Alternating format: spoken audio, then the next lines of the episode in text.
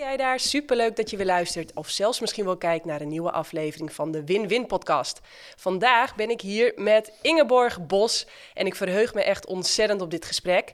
Ingeborg is grondlegger van PRI, Past Reality Integration. Ze is ook psycholoog, heeft meerdere boeken geschreven en leidt inmiddels andere mensen op om ook ja, PRI, psycholoog te, te, kunnen zijn. Zeg ik dat zo goed? Ja, ik ben therapeut. Therapeut. Ja, ja, sommigen zijn psychologen, anderen hebben een andere achtergrond. Ja. Yes. yes. Maar voordat we verder gaan, eerst het volgende. Vind je het werk wat ik maak gaaf? Bijvoorbeeld deze podcastshow of de blogs die ik schrijf, die zijn gratis en die blijven ook gratis. Maar je kunt naar jannekevandermeulen.nl gaan en dan zoeken naar de knop doneren. En dan zo ja, je waardering in de vorm van geld aan ons overbrengen. Yes, dat gezegd hebbende, welkom Ingeborg. Hi, Janneke. ja, ik weet niet hoe jij eigenlijk op mijn pad bent gekomen, maar ik heb al je boeken. En uh, ja, allemaal met heel veel plezier gelezen. Oké. Ehm, ik ben nu in de, de laatste waar ik weer even in begonnen ben, is die over de liefde. Ja. Die heb ik van Jeff cadeau oh, gekregen. Van Jeff Kooijman van ja. Mflix. Ja. Want die had gehoord dat ik ergens in een podcast had gezegd van later als ik groot ben, wil ik graag een boek over de liefde schrijven. En toen zei hij nou, oh. lees nou deze maar. Dat bespaart je misschien een hoop werk. En toen kreeg ik dus het boek van jou. Ah, mooi. Ja, leuk hey, maar vertel eens. Um, PRI, Past Reality Integration. Wat is, dat? Ja, dat is altijd de grote vraag. Nou, ik kan het op honderd manieren beantwoorden, maar ik denk het allerbelangrijkste voor mensen die er nog niet echt iets van weten of van gehoord hebben, is om uh, te weten dat PRI helpt je eigenlijk om een soort basale emotionele intelligentie te krijgen. En dat klinkt misschien ingewikkeld, maar het betekent heel simpel dat je leert te begrijpen waar je emoties vandaan komen. Want we kennen het allemaal, dat je opeens, je, je kunt opeens overweldigd worden door uh, allerlei gevoelens. Hè, bijvoorbeeld uh, als je kleine kinderen hebt, kan je misschien soms heel boos worden als ze niet willen meewerken met de kleertjes en laarsjes aan en haartjes kammen en naar school toe. Kent elke ouder, denk ik wel. Dat is een, een emotie waarvan je kan zeggen, nou, dat is normaal dat je heel boos wordt op je kinderen. Maar misschien dat je toch ergens een stemmetje in je achterhoofd hebt die zegt, ja, is het nou wel echt zo normaal? Waarom word ik nou zo boos? Of een persoonlijk voorbeeld. Ik heb vroeger, uh, toen ik studeerde, heel veel last gehad van angsten. En het overviel me gewoon. Ik zat in de metro op een dag en opeens overviel een gigantische angst me. Ik had geen idee waar het vandaan kwam. En het ging niet weg. Het bleef maar doorgaan. Dus ik heb jarenlang allerlei angsten gehad echt heel naar. En dan uh, zag ik ook mensen op straat lopen die echt helemaal in de war waren. Zwervers, uh, soms psychotische mensen. En dan keek ik ernaar en ik kan bij wijze van spreken nu nog, dit is nu dan heel lang geleden, ik kan bij wijze nog voelen hoe ik dan helemaal benauwd ervan kreeg. Ik dacht, oh god, zou ik daar ook naartoe gaan? Nou, ik, schaamte, je durft er met niemand over te praten, want je denkt, nou, er zit ergens, uh, spoort iets niet helemaal. En ondertussen gaat het maar door en je probeert er maar in te overleven, wegdrukken, niemand die het zag. Uh, snap je dat? Ik kon het wel goed verbergen, maar ondertussen liep ik ermee. Ik denk ook even aan een ander voorbeeld van een, uh, een cliënt van mij die 40 jaar lang zich heeft afgevraagd: waarom heb ik zo'n probleem met seksualiteit? Geen idee waar het door kwam. Op een gegeven moment dacht ze misschien fysiek is er iets mis met me? Nou, toen met PRI kwam ze erachter, waar komt het vandaan? Ik ontdekte, waar komen die angsten vandaan? Dat is zo'n ontzettende opluchting. Dus dat is iets wat ik gewoon iedereen zou gunnen. Dat je niet meer overgeleverd bent aan opeens heel bang of opeens eh, s ochtends niet meer kunnen opstaan. Dat je denkt, oh, ik wil de dag niet in. Weet je, onverklaarbare, heftige gevoelens. Dus dat ten eerste is PRI, dat je dat gaat leren. Maar in het verlengde daarvan natuurlijk meteen heel belangrijk, leer je wat je ermee kan doen.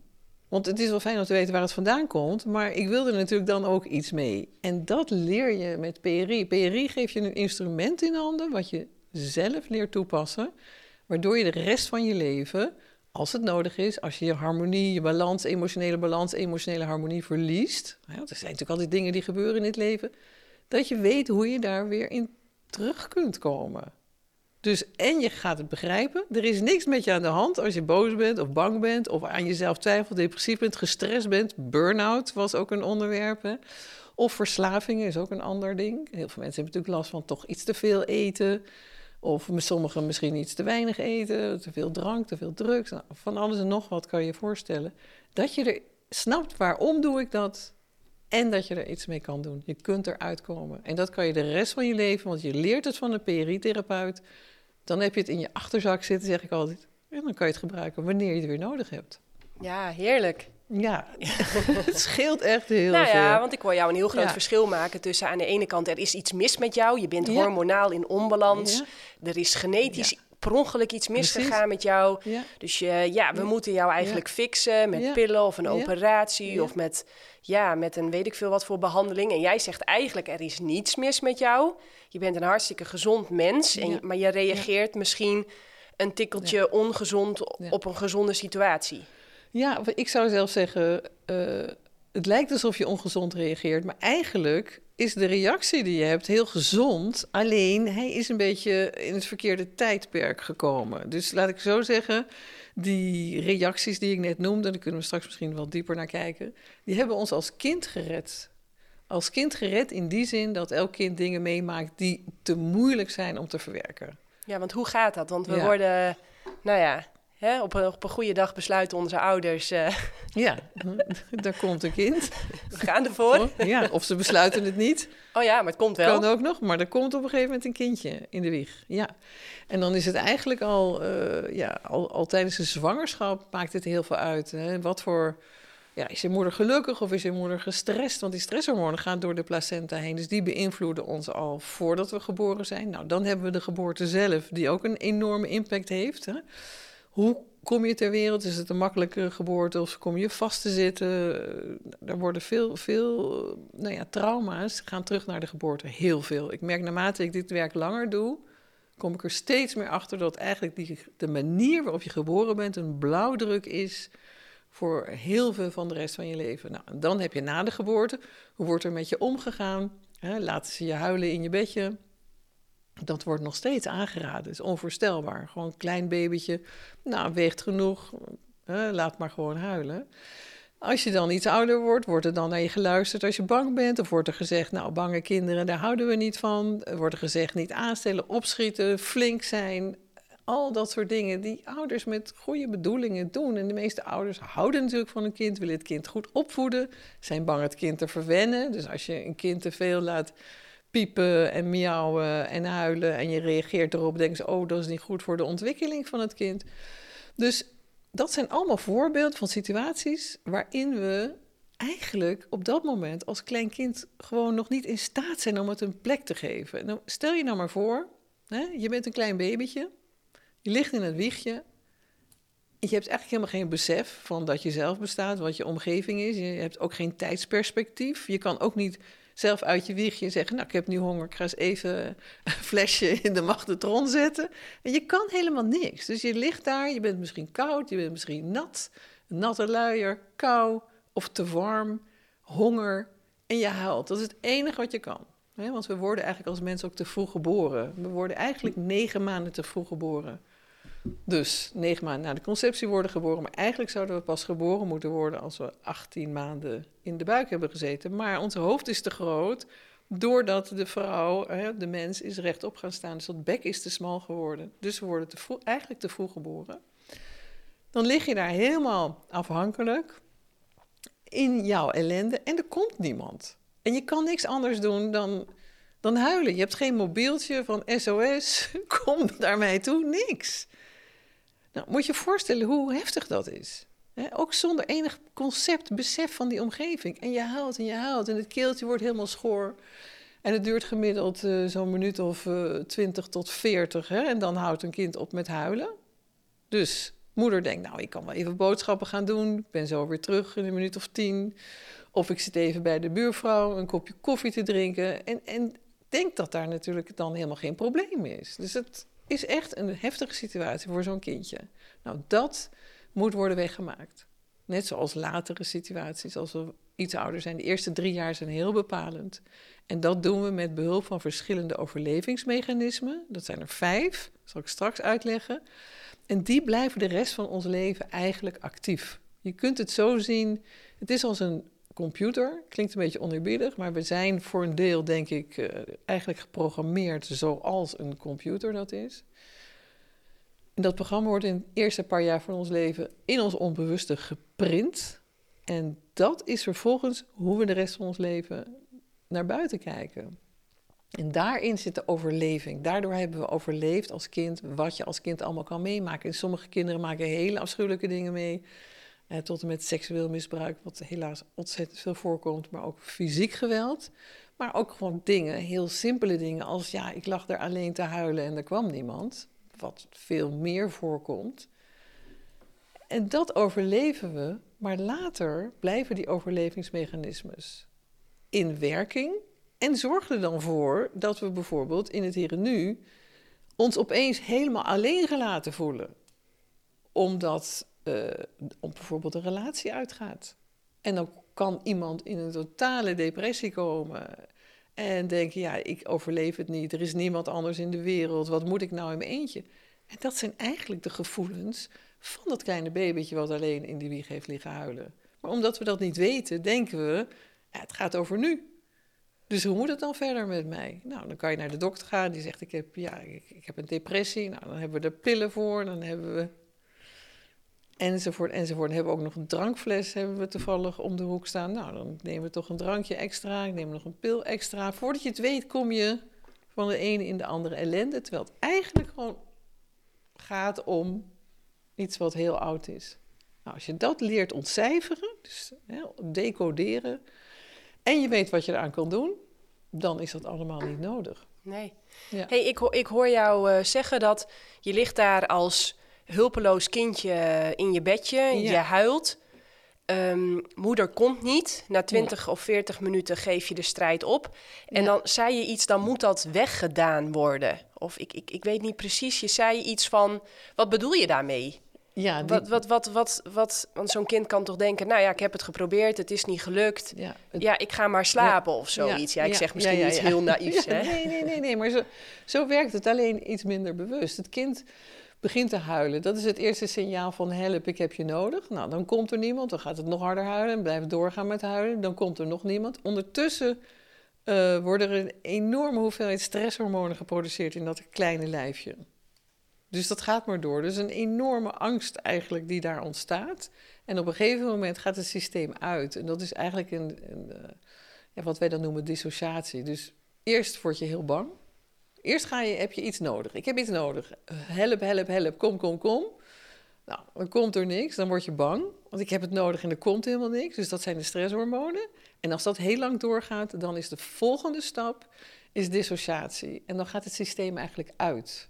Dat is het systeem wat we ook als mens allemaal hebben. Als jij aan het zwemmen bent uh, ergens en er komt een haai aan en die, ik hoop niet dat het ooit gebeurt, die zou je pakken, dan ben je daar niet meer bij dan ga je weg. Hè? Dan dissocieer je. Nou, dat is eigenlijk wat er met een klein babytje gebeurt. En wat heeft dat voor gevolgen? En dat heeft uh, tot gevolg dat je later in je leven, als je dus volwassen bent, regelmatig bijvoorbeeld kunt gaan dissociëren. Dat je dingen vergeet, dat je niet meer weet uh, waar je je sleutels hebt laten liggen, dat je niet meer goed uh, in, in stresssituaties niet meer effectief kunt handelen, omdat jouw systeem, als je dit heel veel hebt meegemaakt als kind, je systeem gewend is om gewoon, up, ik ga uit het lichaam. Nou, dat is een extreem voorbeeld, maar komt heel veel voor. Ja, ja ongelooflijk. Nou ja, ook omdat, um, nou, ik heb het idee dat het, nou ja, goed, ik leef misschien in een bubbel, maar dat de generatie, zeg maar, waar ik uitkom, mhm. dat het daar nog best wel gebruikelijk was dat ouders dachten van ja, je moet een kind niet te veel verwennen. Ja, precies. Uh, ja, het heeft gewoon een schone broek, het heeft genoeg uh, gedronken, gegeten. Ja. Ja, weet je, gewoon even laten huilen. En uh, daar stopt het vanzelf wel mee. Ja. Dat dat, dat, dat, ja, het komt ook nog vanuit goede bedoelingen. Absoluut, absoluut. En dat is, dat is ook iets wat zo belangrijk is. En ook een van ja, mijn grote dromen is dat ouders um, op een gegeven moment gaan niet alleen in cognitief en niet alleen in hun hoofd gaan leren hoe kwetsbaar en gevoelig kleine kinderen zijn, maar dat ze het ook gaan snappen in hun hart. Dat ze gaan voelen van oké, ja, dit, dit kind, het, een babytje huilt. Maar het kan ook een klein kindje zijn wat gewoon maar alleen aan het ronddolen is. En dat er niemand is die zich eigenlijk met het kindje bezighoudt. Of het kan zijn dat je als ouder toch, ja, af en toe word je natuurlijk boos op kinderen. Maar het heeft een gigantische impact. Dat we dat gaan invoelen. Stel je maar voor als je klein kind bent. Een volwassene is ongeveer drie keer zo groot. Moet je je voorstellen, hè? wij zijn allebei bijna twee meter. Ik rond het even af. Lange vrouwen. Je hebt iemand van zes meter tegenover je staan. Dus dat is de lengteverschil. En dan ook nog uh, vier keer zo breed. En die, die wordt boos. En dan heb ik het niet eens over dat die losgaat. Wat sommige mensen natuurlijk soms doen. Omdat ze hun emoties en woede niet in, in de hand kunnen houden. Maar die wordt gewoon boos. En die gaat jou zeggen: Ja, dan weet je wel wat je nu gedaan hebt. En oh, ga naar je kamer toe. Of moet je je voorstellen hoe bedreigend dat is. Als je ook de taal al bijna niet kunt begrijpen. Dus dat zijn allemaal voor ons als volwassenen kleine situaties. Hè, die we niet zien vanuit de, niet zien door de ogen van het kind, omdat we dat zelf natuurlijk als klein kind allemaal hebben meegemaakt en hebben moeten verdringen, want daar gaat het om, we stoppen dat weg. En dan kan je het vervolgens, als je zelf een kind hebt, is het heel moeilijk om dat aan te voelen, hoe erg dat eigenlijk is. Ja, ja. Bijzondere mechanisme. Ja. Ik ben nog wel nieuwsgierig naar, uh, zullen we daar nu op inzoomen? Die, die, die afweermechanismen die overlevingsstrategieën. Ja. Want wat, wat, wat kan er dan gebeuren? Je, ligt, uh, je bent, uh, laten we even zeggen, van 0 tot 7. Uh, eh, je hebt eigenlijk hulp nodig van je ouders, op wat voor manier dan ook. En het komt er niet. Ja, en het komt niet. Ja, nou, dus het, het eerste overlevingsmechanisme is dus angst. Hè, wat met name bij hele kleine kinderen natuurlijk sterk aanwezig is. Want die kunnen nog niet zoveel anders. Die kunnen nog niet nadenken van hoe zit het of wat is hier aan de hand. Dus de eerste stap is angst. Maar dan vanaf anderhalf à twee jaar begint een kind te snappen: ik besta en ik ben hier, uh, ik ben anders dan mijn moeder. Wij zijn niet uh, symbiotisch één entiteit of één, hoe zeggen, één wezen. Dus dan kan het kind gaan denken: oh. Ik krijg niet wat ik nodig heb. Hè? Dus bijvoorbeeld, ik krijg niet de warmte, ik krijg niet de liefde, ik krijg niet de geruststelling, ik krijg niet de zorg, ik krijg niet de aandacht die ik nodig heb. Aha, dat komt natuurlijk doordat er iets met mij mis is. Dat is de tweede afweer. Eerst is de angst, dat is puur fysiek, word je overspoeld. Het babytje wordt overspoeld gewoon door die stresshormonen. Die kan daar verder niks bij denken, die is niet te klein voor. Dan krijg je dus de eerste cognitieve afweer. Dus de eerste afweer waarbij gedachten betrokken zijn. Dat noem ik de primaire afweer. En dat is de afweer die iedereen, iedereen ontwikkelt. En dat is dus gebaseerd op het idee: ik deug niet. Er is iets mis met mij. En dat kan zijn: uh, ik ben te dun, of ik ben te dik, ik ben te klein, of ik ben te, te groot, ik ben te dom, of ik ben te slim. Het maakt niet uit. Maar ergens is er iets met mij niet in orde. Er deugt iets niet aan mij. Schaamte heeft daar ook heel erg veel mee te maken. Dat je je schaamt voor, voor wie je bent, wat je bent. En tot slot, wat er ook bij hoort, is dat je het gevoel krijgt van ik kan dit allemaal niet aan. Dat je overweldigd wordt door dingen van ja, maar is niet aan te beginnen. Van, ik, kijk tegen een berg aan. In plaats van te denken, nou, ik, sta, ik zet één stap, ik zet nog een stap. Nee, het is een soort, oh, kan het niet aan. Dus dat is primaire afweer en die hebben we allemaal. Bij sommige mensen is hij heel erg aan de oppervlakte. Bijvoorbeeld mensen die aan depressies lijden, hebben, hè, die, die voelen dit de hele dag. Die worden s ochtends wakker en die denken, oh, oh ik kan de dag niet aan. Of ehm, ik ga er ook nooit iets van maken. Weet je, wat, wordt er nou ooit van mijn leven? Wat komt er ooit van mijn leven terecht? Of uh, ja, hoe moet ik in godsnaam die baan vandaag weer trekken? Nou, dat is echt een sterke primaire afweer. Andere mensen die stoppen, hebben dat wat verder weggestopt. Die hebben de volgende afweren ontwikkeld die daar bovenop komen. En dat zijn afweren valse hoop, valse macht. Uh, bij valse macht gaat het met name over als je merkt dat je vaak geïrriteerd bent. Het kan, het kan van alles zijn. Het kunnen kleine dingen zijn. Ik zit in de file en dat je eigenlijk inwendig aan het vloeken bent van weer zo'n file. En wat is dit ook? nou, de file kennen we natuurlijk in Nederland maar al te goed. Hè? Dus boosheid over van alles en nog wat. Of dat de, de, bediening in een restaurant niet snel genoeg gaat. Of dat het te snel gaat. Of dat het eten te koud of te warm is. Nou, noem maar op. En natuurlijk ook heel vaak in relaties. Hè? Dat je kijkt naar je partner die, die alweer iets niet doet of alweer iets wel doet. En naar kinderen toe speelt het natuurlijk ook heel vaak boosheid, irritatie, tot en met razernij. Minachting, zo klinkt het ook. Ja, minachting. Het zijn alle dingen die te maken hebben met eigenlijk dat jij oké bent, maar dat die wereld niet deugt. dus het probleem ligt daar buiten. Nou, dan heb je daarnaast valse hoop. valse hoop is het mechanisme waarbij je denkt, nou, weet je, als ik nou nog iets beter mijn best doe, of eh, als ik nou nog eh, iets harder uh, ga roeien, dan, win ik, dan win ik het. Of ik schrijf nog een boek, nou, dan komt het echt duidelijk over de boodschap. In ieder geval, dat zijn al die gedachten en gedragingen en gevoelens waarbij je denkt dat jij zelf nog niet goed genoeg bent en het moet dus beter, want dan komt dat wat je nodig hebt. En tot slot, en dus valse macht en valse hoop hebben met veel adrenaline. Gaat daar primaire afweer, dan voel je heel zwaar. En valse hoop, valse macht hebben heel veel adrenaline. Dus daar zit wel veel energie in. Dus dat zijn ook in die zin verleidelijke afweren. Maar uiteindelijk leveren ze heel veel schade op. Want met valse macht krijg je veel conflicten en, en, hè, irritaties in je leven, wat echt niet functioneel is. Maar met valse hoop heb je eerder last van uh, bijvoorbeeld burn-out. Chronische vermoeidheid. Dat je gewoon steeds maar over je eigen grenzen heen gaat. Dat je steeds maar probeert uh, de ander te geven wat die ander nodig heeft. En eigenlijk aan jezelf voorbij loopt. En tot slot, het laatste mechanisme is wat ik noem ontkenning van behoeften. En dat is het uh, mechanisme waarbij je gewoon zegt: Oké, don't worry, be happy. Alles is goed, er is niks aan de hand neem nog een glaasje of eet nog een pindaatje. Of weet je, alles gewoon, alle gevoelens eigenlijk afdempen. En dat kan je met alles doen. Hè? Dat kan je met eten doen, dat kan je met drinken doen. Maar het kan ook met sport. Er zijn ook mensen die gewoon, die moeten sporten omdat ze zich anders helemaal, helemaal van de leg raken. Of ze moeten elke dag een wandeling maken. Het maakt niet uit wat. Maar als je voelt, ik kan niet zonder dat, dan kun je je afvragen van zit daar misschien iets onder wat ik weg aan het maken ben. Ja. hey, en ik hoor een soort van 1, 2, 3, 4, 5. Ja. Het begint met dit en dat en dat. Uh, zit daar een theorie achter of is het gewoon even... Wat maakt het dat je zegt het begint hè, fysiek? Ja. Dan hoorde ik uh, primaire afweer. Ja. Uh, ja, en dan de laatste. Ja, ja, ja, ja. Kun je daar iets meer over vertellen? Nou, het gaat om, eh, inderdaad om de ontwikkeling. Van, hè, als je dus klein bent, in het begin kun je niet, niet echt veel denken. Dus dan is er alleen maar die angst. Nou, dan begint het zelfbewustzijn te ontwikkelen. Dan krijg je eerst de primaire afweer.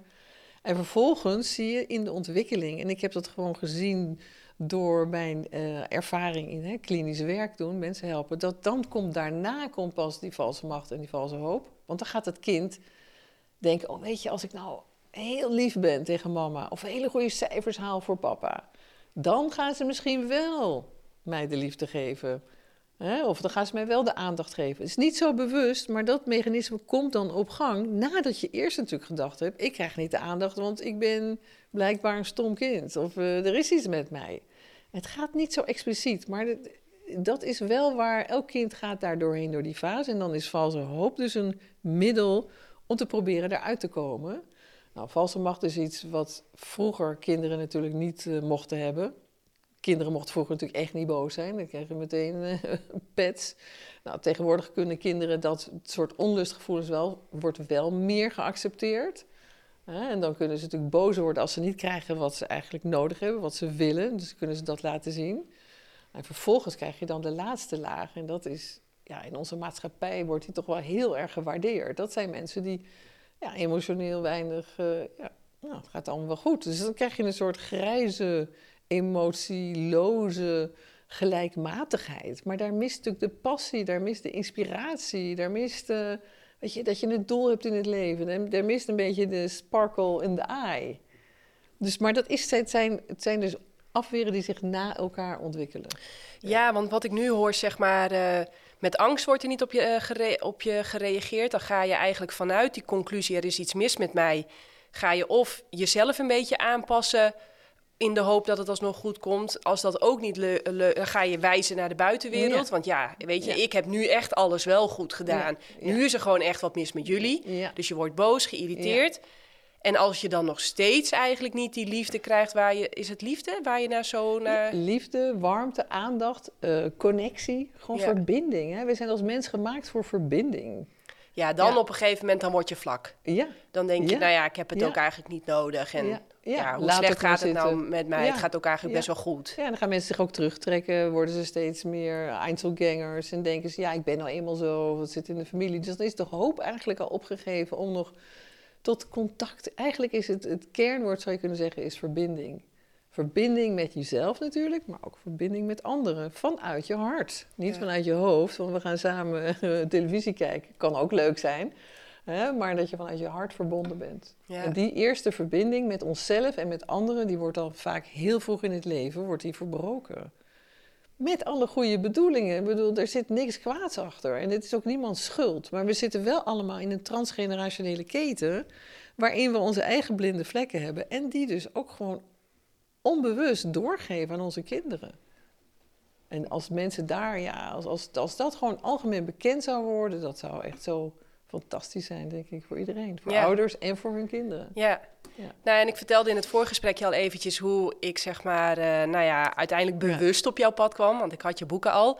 Maar dat was door dat iemand mij wees, omdat ik in een podcast had gezegd, ik was net bevallen van Duitse. Mm. En eh, ja, ik had nogal wat melk, dus er begon wat spanning op te lopen. Ja. En toen had ik gezegd van, eh, ja, ik, ik weet niet meer eens precies wat ik had gezegd, maar ik moet naar huis, want ja, ik, ik kan hier niet langer blijven. Nee. En eh, op een of andere manier werd dat opgepikt of zo. Ik heb het woord schuld gebruikt of zo. En toen was het, ah, kijk, Ah, ja, ze voelt eh, zich schuldig. ze voelt zich schuldig. Ja, ja. En ehm, nou ja, toen hebben we even een beetje zitten graven uiteindelijk in een sessie. En eh, ik heb me- mijn hele kindertijd in, een, in de box gezeten. Dat vond ik fantastisch, al dus mijn ouders. Ja, ja, precies. Wat ja. waarschijnlijk 95% van de tijd ook zo is geweest. Maar ik merkte dat als ik Douds in de box legde en wij gingen met z'n allen aan de tafel zitten, ja, dan vond ik dat toch best wel zielig voor haar. Dan dacht ik, ja, wij zitten hier met z'n allen gezellig en Ja. zij moet vijf meter verderop in de box. Ja. Nou, en waarschijnlijk zat ik daar gewoon met de ogen van het verleden naar het heden te kijken. En zag ik niet. Doudse, waar het gewoon heel goed mee ging, maar zag ik mezelf. Ja. En eh, ja, toen zei, hebben we daar dus een sessie mee gedaan. En ik weet het nog Mooi, precies. Ja. Ehm, wat moest ik doen? Ik moest weer in die box gaan liggen eigenlijk. En ik mocht Mm. mezelf steeds kleiner gaan maken en de omgeving steeds Ja. groter. En Ja. wat er gebeurde bij mij was alsof er een vuurpijltje in mijn buik werd afgestoken. Pieuw. Wow, ja, ja. ja. Ehm, maar, Ja. want jij vertelt in het begin over je angsten. Ik kan me voorstellen dat als jij bang bent en je schaamt je daar ook nog voor en je hebt die angsten, ja. dat je eerst naar een psycholoog gaat of naar een. ja, dat, hoe, hoe, hoe, dat zou voor de hand liggen, ja. maar je kunt het ook wegstoppen en denken, nou, ik wil er niks van weten. Ik wil er alleen maar van weg. Oh, maar vertel daar eens Ja. iets meer over. Want op een gegeven Ja. moment moet PRI wel in je leven komen. Je moet dat ontdekken of doorgegeven Ja. krijgen. Ik weet niet hoe dat is gebeurd. Wil je daar iets meer over vertellen? Ja, ja. Maar het is even wel heel, want het is wel mooi wat jij vertelde. Dat je een soort pijltje in je buik voelde. En toen voelde je van, dat is de pijn die dus in mij zit. Ja, ja. En die komt daar vandaan. Nou, dat, dat, ja, dat, eh, Ja. dat leek het op. Ja, ja want dat, zo gaat het ook. Het, het wordt in ons lichaam opgeslagen. Ja, en wat, wat er bij mij gebeurde is, ik, eh, ik was eigenlijk al met spiritualiteit bezig voordat ik psychologie ging studeren. Dat, dat was al vanaf mijn vijftiende. Heeft Krishnamurti kwam toen op mijn pad. Althans, niet de man zelf, maar zijn werk en zijn video's. En ik vond het... Ik voelde acuut van hier zit iets heel belangrijks in. Ik, snapte er niks van, want daar was ik nog veel te jong voor. Maar ik, had, ik voelde wel, dit, dit, dit gaat ergens over. Dit, dit, hier ga ik mee verder. En toen werd ik, werd ik eh, 18 en toen dacht ik, ja, wat wil ik nou gaan studeren? Ik had geen idee eigenlijk. En een vriendin van mij die ging psychologie doen. Ik dacht, wat is dat? ik wist niet eens wat het was, moet je nagaan. En toen sprak het me heel erg aan. Toen ben ik psychologie gaan studeren. En toen heb ik dus die twee stromingen heb ik toen al gecombineerd. Want toen had je nog uh, propenduizen, kandidaat, doctoraal. En in doctoraal heb ik toen een groot vak, bijvak genomen, Oosterse filosofie. Dus die twee paden bleven altijd uh, ja, zeg maar in mijn leven lopen. En op een gegeven moment kwam ik ook het werk tegen van Gene Jensen, van uh, Alice Miller natuurlijk. En ik was zelf al bezig geweest als organisatieadviseur, maar was daar uitgestapt omdat ik dacht... Het is interessant werk, maar er, er ergens klopt er iets niet. Ergens ontbreekt er iets, want ik kan wel op de hei gaan met uh, toch de mannen. In die tijd waren dat dan de mannen. En ze empowerment bijbrengen, maar dan komen ze terug in het bedrijf. En dan is dat helemaal niet de bedoeling. Want de empowerment moet wel gaan in de richting van het bedrijf, hè, waar, waar het bedrijf naartoe wil. Dus ik kwam daar in de knel, ik dacht, nou, ik word therapeut. En toen had ik dus die verschillende stromen, waren er nog steeds. Ik wil mensen echt gaan helpen, één op één. En hoe ga ik dat hele pakket nou van Oosterse en Westerse psychologie, Oosterse filosofie, Westerse psychologie bij elkaar brengen? En toen ontdekte ik dus inderdaad het werk van Gene Jensen, wat heel erg belangrijk voor mij is geweest. En daaruit toen met alles daarvoor, ja, toen kwam een heel aparte uitgever op mijn pad. En die zei, ik denk dat jij een boek moet schrijven. Ik zeg, nou, dat denk ik helemaal niet. Hoezo moet ik een boek schrijven?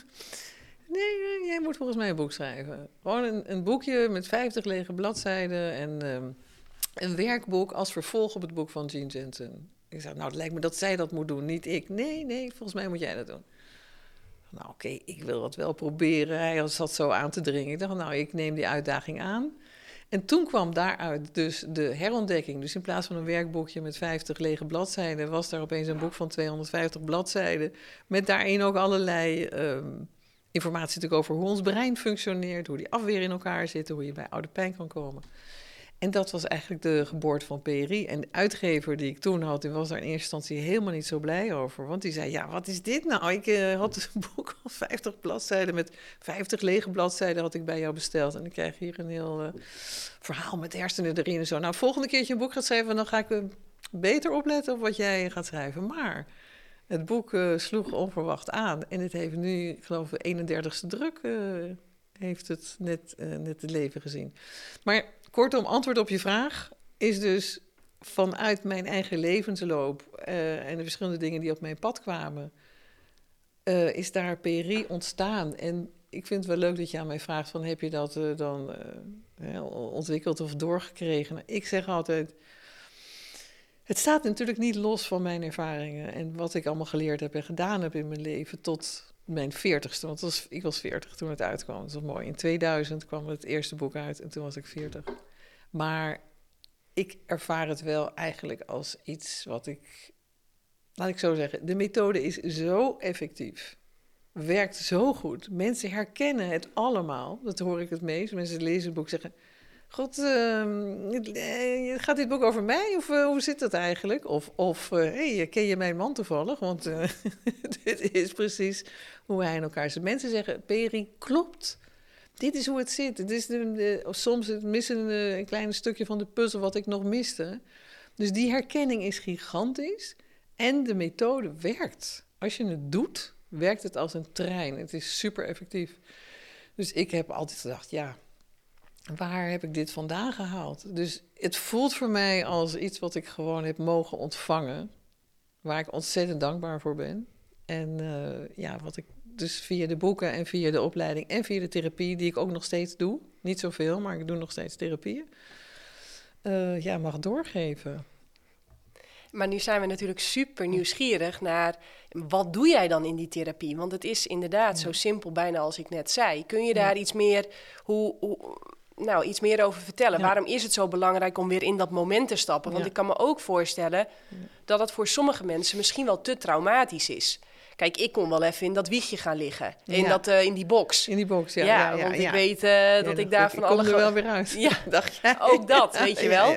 Maar ik kan me ook voorstellen dat het wel wat heftiger kan zijn... dan uh, iets te lang alleen in de box hebben gezeten. Ja, ja, dat klopt. Maar dit is een goed punt wat je aanhaalt. Want ik merk dat mensen die eigenlijk ik heb nog nooit iemand ontmoet die, die, die mijn boeken heeft gelezen of, of geïntroduceerd is in hè, hoe, hoe, ons bewustzijn werkt en dan zegt, nou, dat is onzin. Dat, zo is dat bij mij niet. Zelfs kinderen, waar ik het aan uitleg, dan zeg ik, vind je het nou gek klinken wat ik je heb verteld? Zeggen ze, nee, dat wist ik al lang dat het zo werkte.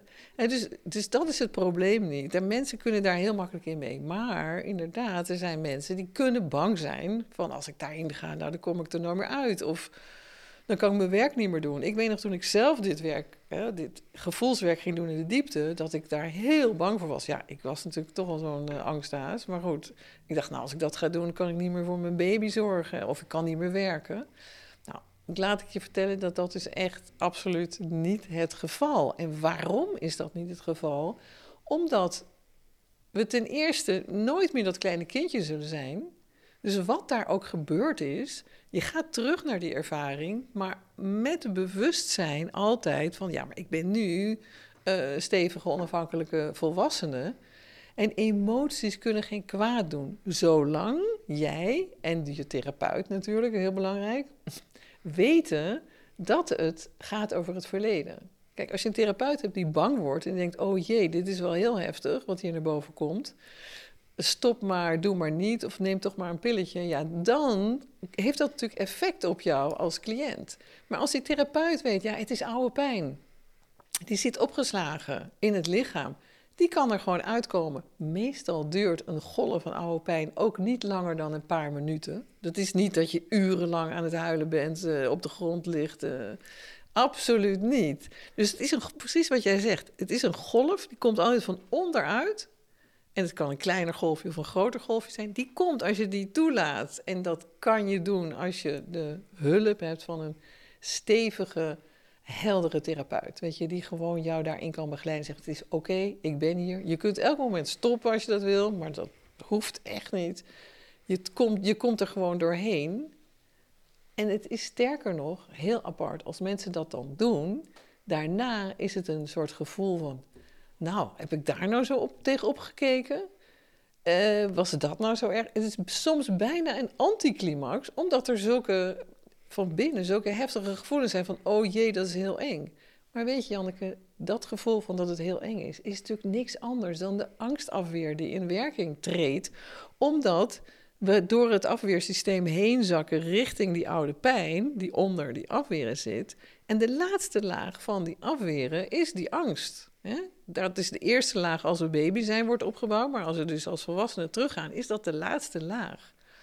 En die wordt dan heel actief. Nee, niet doen, dat is gevaarlijk, moet je niet voelen. Dit is totaal niet waar, het is een illusie. Het is een enorme bevrijding als je dat toe kan laten. In het begin, de eerste keer, met natuurlijk een capabele therapeut. En dan kan je, daarna kan je, als het nodig is, het is echt niet elke dag nodig, zeker niet. maar mocht het nog een keer nodig zijn, kan je dat dan ook zelf leren te doen. Ja, en hoe kwam jij dan tot het inzicht want dat vind ik ook zo magisch, dat je jezelf steeds kleiner gaat maken en die omgeving steeds groter. Wat, wat, wat? Ja, hoe, ja, hoe ontwikkelt zo'n methode? Hè? Want je wilt echt weer. Uh, kijk, we, we, beginnen altijd. De eerste stap in het BRI is dat je gaat kijken naar dus de situatie die zich afspeelde op het moment dat je je zo rot ging voelen. Hè, angstig of onzeker of boos of gestrest. Of dat je dacht, nou nu moet ik toch echt even die drie pizza's naar binnen slaan. Ik noem maar even de vijf afweer, voorbeelden van de vijf afweren. Dus je gaat kijken, waar begon het nou mee? Dus wat was nou die situatie? En dat je dan die situatie gaat ontleden op een hele specifieke manier. En ik, we, kunnen dat uh, doen. Misschien vind je, heb je wel een, leuk voorbeeld. Gaan we geen regressie doen hier in de oh, denk nou, ik. Ik vind het leuk, want ik heb namelijk wel één. Ik had wel al één ah, opgeschreven. Oké, en dan kan ik je laten zien hoe je dan die, die analyse maakt van die situatie in het hier en nu. En dan ga je zo naar het verleden toe. Het is eigenlijk helemaal niet zo ingewikkeld. Nee.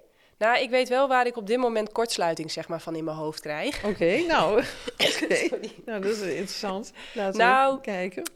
Um, ik heb het idee dat daar trauma op zit, omdat uh, wij hebben nu een dochter van 2,5 en de buitenwereld begint het nu wel tijd te vinden voor een broertje of een zusje. Oh ja. Dus ja, uh, de meest gestelde vraag die ik op dit moment wel krijg, ja. En? En? En? En, ja, precies. Zit je en al, uh, ja. een broertje, zusje, zit je, wil je een tweede? Nou, en dan, wat er bij mij gebeurt, ik schiet in mijn hoofd. Want ja. Ja, dan ga ik alle voor- en nadelen afwegen. En dan denk ik, jeetje man, ik vond één al een heldendaad. Nou, dat gaat hartstikke goed, hè? Ik weet nu wat ik heb. Ja, ja precies. Uh, ik weet ook wat het is om een zusje te krijgen. Ik was vier en toen kreeg ik een zusje. Er werd veel te vroeg geboren. Mijn moeder moest daar heel vroeg al naar het ziekenhuis. Dus ik was mijn moeder voor mijn idee kwijt. Tuurlijk. Ja, zo dus voelt het dan. Ja. Ja. Uh, en dan ook nog een hulpbehoevend uh, zusje. Wat ja, ik heb het idee, weet je wel, dat we blok aan ons been. We waren net, hadden we lekkere snelheid met de familie en dan... Ja, komt zo. Ja. Sorry, ik ben nu maar gewoon even eerlijk. Ja, natuurlijk. Nee, zo voelt het dan voor een kind. Ja, hoe dat voor mij geweest is. Het is heel bedreigend voor een kind, want je bent inderdaad voor je gevoel je moeder kwijt. Ja, ja, ja, ja. die moest ik, uh, ja, die was ik kwijt. Ik had gelukkig nog wel een leuke vader, dus daar ben ik ook dikke Ja, maar die werkt waarschijnlijk. Nee, nee, nee, die was er voor ons. Ja? Ja, oké, okay, dan heb je geluk gehad. Ja, ja. daar heb ik zeker geluk mee gehad. Dat voelt ook wel zo. Ja. En, um, maar goed, dan, dan, dan, ja, dan merk ik gewoon dat ik in mijn hoofd schiet. Zo van, ja, een tweede Ja, nou, kortsluiting, je hoort Ja, het al. Dan ja. denk ik, ja, waar moet Ja. ik beginnen? Je, Ja. Oh, jezus, ja, ik Ja. weet dat niet hoor, ik weet dat niet. Ja. Wat een moeilijke vraag. Ik Ja. heb over één, heb ik al twintig jaar lang nagedacht. Eh, Ja. Precies. Ja, ja, ja. ja, mag ik even tijd om... Eh. En, en, en misschien laten we het wel bij één, hè? Want ik vind het wel goed zo. En eh tuurlijk vind ik foto's met vijf mooie grote kinderen ook allemaal prachtig. Ja, maar... Maar weet je wel wat daar in de praktijk voor nodig is? Eh, zeker. dus nou ja, en dan heb ik het idee dat, daar, dat, dat, dat ik zeg maar wel blok, Ja, omdat, ja, ja. nou ja, ik snap het. Maar het is, het is een heel mooi voorbeeld. Je zegt zelf natuurlijk al heel veel over wat er eigenlijk wel achter zit. Eh, maar stel dat je dat niet zou weten, dan zou ik zeggen: oké, dus eh, even in de, in de PRI-taal. De situatie dat iemand dus naar je toe komt en zegt en, hè, nou dan weet je meteen wat ze bedoelen. Meer hoeven ze niet te zeggen. Dat is dan de symbolische situatie. Ja, dus in die situatie heb je te maken met een persoon die een bepaalde verwachting heeft naar jou toe. Nou, wat is, ehm, als je dat op je af laat komen, wat is daarin het meest opvallende eigenlijk? Wat, wat zie je in de, in de manier waarop ze dan naar je kijken, die vraag stellen? Ja, ze zijn super nieuwsgierig naar Ja. wat ik nu ga antwoorden. Ja, ja. En, en hoor, je, hoor je daar nog iets, eh, iets in van, ja, dat moet je nu toch wel gaan doen? Hoor je een soort eh verwijt nou, ik, ik zie ze eerder of- zo smullen van eh, hoe gaat Janneke hier, wat gaat ze voor antwoord geven? Hmm. Dus ja, dat hoor ik terug. Ja. En ik hoor terug van ja, dat ik eigenlijk wel een antwoord moet hebben, maar ik heb geen antwoord. Ja, Dus ja, ik, ik, er wordt van mij verwacht dat ik een antwoord heb en dat heb ik gewoon niet. Ik Nee. weet het niet. Ik Nee. weet het niet. nee, oké. Ik weet het niet. Nee, jij weet, je weet het niet. Maar die Nee. ander wil, wa- wa- waarom wil die, die ander een antwoord? Wat is er zo belangrijk voor die ander aan dat jij een antwoord geeft? Ja, dan ga ik de volgende keer gewoon vragen. Ja, ja, nee. Heel goed. Ja. Ik ga de volgende keer Ja, gewoon vragen. ja. En Maar stel dit- je voor, Maar dit heb... is jouw waarneming, hè? Ja, ja, ja. Dit is jouw waarneming. Want in Peri gaat het om waarneming. Het leven is een spiegelpaleis. Dat wat, ons buiten, wat we buiten ons waarnemen, wat ons raakt, dat is iets wat in onszelf zit. Ja, Dat is heel ja. belangrijk. Ja, dat is natuurlijk in iedere spirituele leer Ja, hoor je dat eh, terug. exact. Dat dus je uiterlijke wereld is een afspiegeling van je innerlijke Exact, wereld. precies. Dus ja, wat, wat, wat zit wat, hier... wat komt daar op jou af dan? Waarom wil die ander zo graag... eh, waarom wil die jou zo graag eh, die vraag stellen of het antwoord hebben? Wat, wat voor energie komt er op jou af? Misschien helpt dat. Oh, bij mij is het dan kortsluiting, wat ik al zei. jij. Neem er van die ander. Wat Oh, komt er van die energie. ander op jou af? Wat, komt er, wat neem jij waar dat er op jou afkomt? Ga maar terug naar de laatste keer dat misschien een vriendin of een oma of een tante Nou, zei... echt en, dat eh, smullen. Zo van, Ja. eh, nou Janneke, Ja, maar smullen om, om wat? Waarvan smullen ze dan? eh, ja, waar smullen ze van?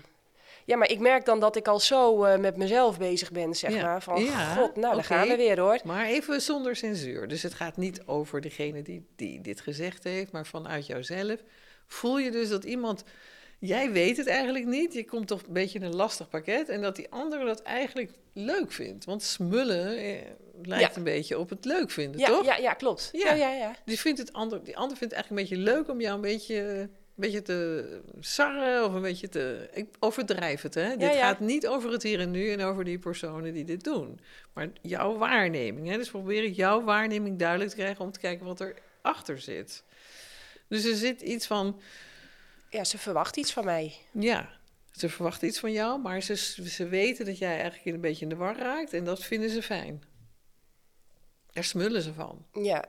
Dus daar genieten ze een beetje van, om jou een beetje voor het blok te zetten. ja, zoiets. Ja, ja. Oké, wat, wat voel je nu, Janneke? Want ik wil nu niet te diep gaan natuurlijk, want Nou, dat mag. is een podcast. Ja, nou, het Je mag kunt hoor, want... eh, ik, wat ja, voel precies. je? Wat voel je nu? Ja, ik denk dan, ja, wat ik zeg, onmacht, kortsluiting, weet ik veel, rot Ja. op. Ik weet het niet, ik weet het niet. Ja, maar bij deze vragen, wat voel je nu als ik, als ik dit zo zeg? Want het lijkt dus iemand te zijn, of tenminste, het lijkt terug te gaan naar iets wat je als kind hebt meegemaakt, waarbij er op een of andere manier jij klem kwam te zitten, het niet meer wist wat je moest doen, en dat die ander dat eigenlijk dat dan wel grappig vond. Zoiets. Ja. En we kunnen natuurlijk nog dieper gaan, maar ik vraag me even af van wat voel jij als, ik, als je deze antwoorden geeft aan mij, hè? dus hier in deze situatie. Hoe voelt dat voor jou? Nou, dan weer hetzelfde van, ik wil echt wel proberen zo goed mogelijk antwoord te geven, maar Ja. dit zijn de woorden die ik heb. Ja, maar voel je iets? Voel je iets in je lichaam gebeuren? Ehm, Als je dat dus, hè, ze, ze smullen ervan. Ze smullen nou ervan Een heel klein jou beetje hier bij mijn Ja. buik. Dat ik denk... eh, rot op. Toch? Ja. Ja, een Ja. beetje, ja. Ja, dus dat, daar zie je, hè? daar is een afweer. Dat is een afweer. Hè? Dat is wat we dan noemen de valse macht. Rot op. En wat zou je nog daarachteraan zetten? Laat me met rust. Val me niet lastig? Of bemoei je met je eigen zaken? Wat zou je... Eh, ja, ik, ik, ik, eh, ik zou ook graag antwoord op die vraag eh, hebben, maar ik weet het niet. Ik denk namelijk wel dat het me rust zou geven. Dat ik Ja. niet de hele tijd, iedere keer als die vraag mij gesteld wordt, dat ik Ja. weer al die voor- en nadelen af moet wegen en weer tot de conclusie moet komen dat ik het niet weet. Ja, maar wat zou je willen zeggen? Rot op, want laat me met rust. Of eh, val me niet lastig? Wat... Eh, nou, ik, ik, ik, weet het ook niet. Ja, Ik weet het ook niet. Ja, ja, dus stel me die Help vraag me. niet. Help. Ja, help me maar. Ja, wist ik het maar. Ja, Ja, dat is het eerder, want ja, dan- Ah, ja. Oké, dus help me maar. Ja, Ja. help me dan. Help me dan, ja. Zou het dan kunnen zijn als ja. je... Ja. Ja, dat voel ik meer. Ja, precies. Ja. Oké, en dan kan je dus... Goed, misschien niet het moment, maar je zou je ogen dicht kunnen doen. Ja. en dan je klein laten worden, Janneke. Dus echt, hè, dat je je voorstelt dat jij steeds kleiner wordt. Of je kan ook je voorstellen dat de wereld steeds groter wordt. Of En mag dat dan nu of dat ik de eerste keer dat ik me zo heb gevoeld? Nee, dat mag je nu doen. Gewoon nu? Ja. Maakt niet uit. Nee, mag nu, want dan kunnen we gewoon samen die oefening En laat ik jou dan groter worden? Je laat mij groter worden of die persoon die tegen jou zegt van en? Hè, dus je voelt het wat er op Is je afkomt. een stadion vol.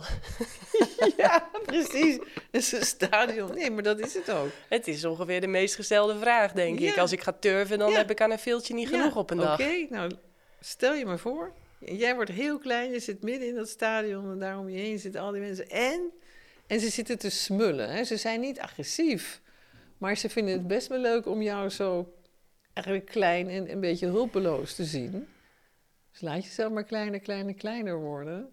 Zo ver teruggaan als, als, hè, als, je, als je kunt. En voel dan maar dat omhoog of maar help me dan. Waar, waar kom je uit, Janneke? Komt er op, spontaan iets omhoog? Als het niet zo is, is het ook oké. maar misschien komt er spontaan iets in je omhoog. Nou, wat er wel, wat er bij mij heel erg raakt, is dat helpt me dan. Ik heb echt het idee dat ik dat helemaal alleen moet doen. En dat ook letterlijk, zelfs mijn partner, weet je wel, Ja. die helpt me niet. Want Ja. die zegt van, ja, weet je, dat moet jij dragen, jij voeden, eh, jij moet dat baren.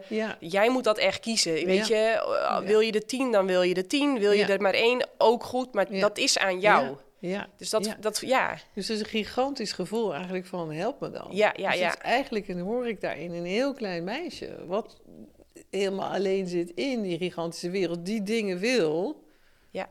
of vraagt, of Ja. vindt... Ja, in ieder geval dingen op jou afstuurt... en jij bent eigenlijk helemaal van... ja, maar ik weet het niet en help me dan. ja, ja, dat is hem. Ja. Ja. dat moet het zijn dan. Hè? dan kijken Ja. we, normaal gaan we natuurlijk veel dieper Ja. in... en dan komt er ook veel gevoel. Dat gaan we natuurlijk nu niet doen. Maar dit is voor jou wel belangrijk. Ja. Dus Het lijkt erop dat dat teruggaat naar toch... Dat meisje wat opeens, eh, ja, ofwel alleen daar in die box zat, of er bij die moeder opeens weg was. Ja, Er is een behoefte aan hulp en die hulp die komt gewoon niet. nee.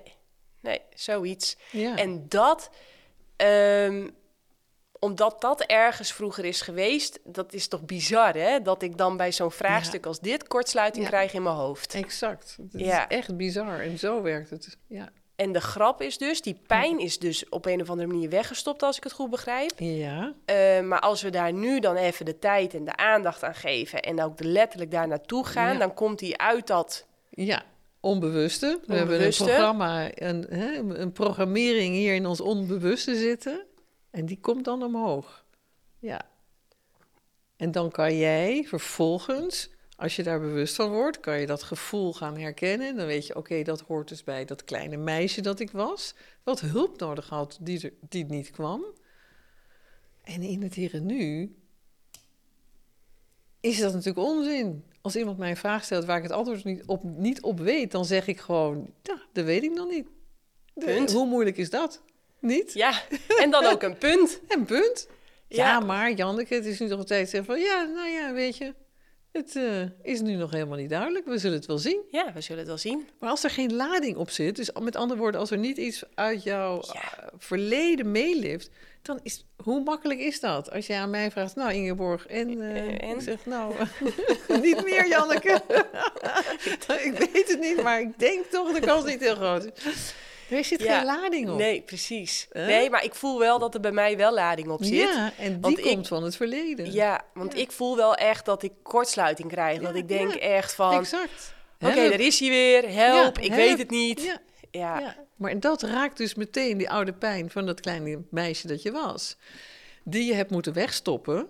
En om die weg te stoppen, hoe doen we dat? We schuiven het onder de tafel, maar vervolgens gaan we er een verhaal omheen hangen. Dus dan krijg je die verschillende afweermechanismen. Dus rot op, bijvoorbeeld. kan, we kunnen nog veel meer bedenken. Is een voorbeeld daarvan. Van, nou, maar help me dan dat kan ook boos zijn, hè? van rot of help me dan, doe dan iets. Maar dat is een echo van wat er eigenlijk vroeger gebeurd is. Ja. En die kortsluiting, ja, het is natuurlijk gewoon een va- Mensen zijn gewoon nieuwsgierig. Er is natuurlijk helemaal niks mis mee. Het is begrijpelijk dat ze dat vragen. ja. en jij kan gewoon zeggen, nou, ik weet het niet, punt. ja punt. Ja, Ja, nou, wat, een, wat echt een afweermechanisme van mij is, dat merk ik heel vaak als ik heel veel dingen voel. Of, eh, en, en ik weet het gewoon niet precies, dat is echt wel een terugkomend thema. Dan word ik gewoon hard in mijn taalgebruik. Ah, Dus dan verhard ik en dan, eh, of dan maak ik grappen, weet je wel. En dan, ja, eh, ja, weg ja. ervan. ja, dan, dan, maar dan is, het, dan is het too much of zo. En ik merkte ook bij sommige boeken die ik dan van jou lees. Ah, dan begrijp ik het beter. Van, oh, daar komen mijn gevoelens vandaan. En dan kan ik het beter woorden geven. Dan wordt Oh. het, dan wordt het sowieso al makkelijker. Ja, mooi. Maar ehm, dan heb ik echt letterlijk het idee dat ik dat kleine meisje letterlijk ook in mij... Ja, dat ik die beter eh, aan de buitenwereld kan vertellen hoe ze zich voelt of wat er met haar is. Ja. Maar als, ik, als me dat niet lukt, dan word ik ja, rot op en dat Ja, soort dingen. of heel hard. ja, maar je ziet bij jou zit dus heel duidelijk, zit er iets van, als je het niet meer weet hoe je het moet doen, hè? Ja, Dus daar, daar, dat raakt bij jou dan aan je oude pijn. En je hebt Ja. dat overleefd door heel veel dingen wel goed te kunnen doen. En Ja. ook heel veel dingen alleen goed te kunnen doen. ja, Hè? Dus dat is dan een overlevingsmechanisme. Nou, dat is natuurlijk hartstikke fijn, want dat dient jou natuurlijk in je volwassen leven. Dus dat is prima. Maar het zou mooi zijn inderdaad als je die, die pijn daaronder, als die naar boven kan komen, zodat die niet meer op dat soort situaties dan jou helemaal in de war brengt of jou helemaal verlamt eigenlijk. ja. Wat natuurlijk niet fijn is. Nee, nee, precies. Nee. Dus we hebben afweermechanismes. Is dat hetzelfde als die overlevingsmechanismen? Ja, dat is hetzelfde. Ja. ja. En hoe, wat zijn nou echt belangrijke dingen ehm, hoe- dat je het bij jezelf kunt herkennen? Of is dat weer zo irritant van ja, het zit in het onderbewust, het is eigenlijk een blinde vlek, je hebt het vaak zelf niet Ja. door? Of zijn er wel dingen waar je het heel erg aan nou, kunt herkennen? Weet je, ik denk je het eerst, je moet het eerst weten hoe, wat de vijf afweren zijn. En dan kan je jezelf gaan observeren erop. ja. Maar als je het niet weet, dan zeg je gewoon: ja, mijn vader had ook een kort lontje. Of ja, mijn moeder was ook depressief. Dat zit gewoon in de familie. Of eh, ja, wij zijn allemaal van die perfectionisten. Weet je, dus dat is hoe mensen er meestal in staan. Dus dan weten ze het niet. Dus je moet eerst weten dat we als kind dus allemaal situaties meemaken die we niet konden verwerken omdat we te klein waren. Dat moet worden weggestopt. Hoe leuk, lief en aardig je ouders ook zijn. Zeker, juist. De meeste ouders zijn natuurlijk gewoon, doen hartstikke hun best. Dus dat heeft daar ouders, niks mee te maken. Ja, nou bijna alle ouders. En er zijn natuurlijk uitzonderingen. Maar de meeste ouders houden natuurlijk ontzettend veel van hun kinderen. En willen het allerbeste voor hun kinderen. Hè, maar toch maken kleine kinderen dingen mee, omdat ze zo klein zijn. Waar ze alleen mee blijven, dat kunnen ze niet verwerken, moeten ze wegstoppen. En dan krijg je die vijf afweermechanismen. Nou, als je dat weet, dan kan je jezelf gaan observeren op, oh, wanneer komt dan een van die vijf afweermechanismen bij mij voor? Dan kan je die gaan herkennen. Van, oh, nou, nu ben ik alweer uh, boos of geïrriteerd. Oh, nu heb ik alweer het gevoel dat eigenlijk niemand op mij zit te wachten. Nu heb ik alweer het gevoel dat ik het nooit goed genoeg doe. Of hé, hey, mijn moeder komt uh, op bezoek. Nou, ik heb het hele huis alweer uh, gezogen. Terwijl gisteren was de hulp er nog. En dan heb ik het weer helemaal schoon zitten maken. Het is een, misschien een beetje overdreven. Hè? Of ik ben elke avond neem ik weer een glaasje en misschien nog eentje. Of misschien elke avond uh, rook ik een joint. Ik bedoel, ja, waar gaat dat nou eigenlijk over? Dus je kunt dat gaan herkennen. En dan, de volgende stap, is gaan kijken, oké, welke situatie activeert die verschillende gedrag, gedachten, gedragingen of gevoelens. En dan kan je, zeg maar, een beetje variatie op wat wij net deden, dat kan je leren met een PRI-therapeut. En dan kan je dus gaan leren hoe kom ik daaronder, te weten wat er achter die overlevingsmechanismen zit. Wat ik eigenlijk aan het wegmaken ben. En dan kan ik terugkomen in het hier en nu en zeggen van oké, nu, nu kan ik het leven gewoon aan. Bijvoorbeeld, ik, ik zit even te denken aan een voorbeeld van uh, Karel. Die, ehm, die kwam bij mij uh, omdat een vriendin van hem, die was op, op een gegeven moment alert geworden. Want hij had ergens gepost in december. Nou, ik weet niet of ik er nog ben in april. Dus hij dacht, oh, dit gaat niet goed. Karel had namelijk tijdens corona had hij, uh, gekregen, zes weken in bed gelegen. Maar toen was de Fiverr voorbij en toen was hij nog steeds, eigenlijk kon hij zijn bed niet uitkomen, was hij depressief geworden. En toen bleek dat hij zich alleen maar door de dag heen kon slepen met gebruik van allerlei drank en drugs. Hard, uh, zeg maar harde harddrugs, dus uh, opwekkende dingen, ecstasy, MDMA, cocaïne, om, zich, ja, om energie te krijgen om de dag door te komen, of een sterke drank. En dat was hij nu al anderhalf jaar aan het doen. En hij wist natuurlijk, dit gaat gewoon niet goed. Want eh, hoe moet ik zo doorleven? Maar hij had geen idee hoe hij anders de dag door kon komen. En hij wist ook niet hoe hij eruit kon komen. Nou, door die vriendin die gealarmeerd was, kwam hij bij mij. Nou, hij zat op de bank, joh. Het was echt zo, zo zielig. Zo vreselijk. Hij keek alleen maar naar beneden. Hij durfde me niet aan te kijken. Want er was heel veel schaamte ook hierop.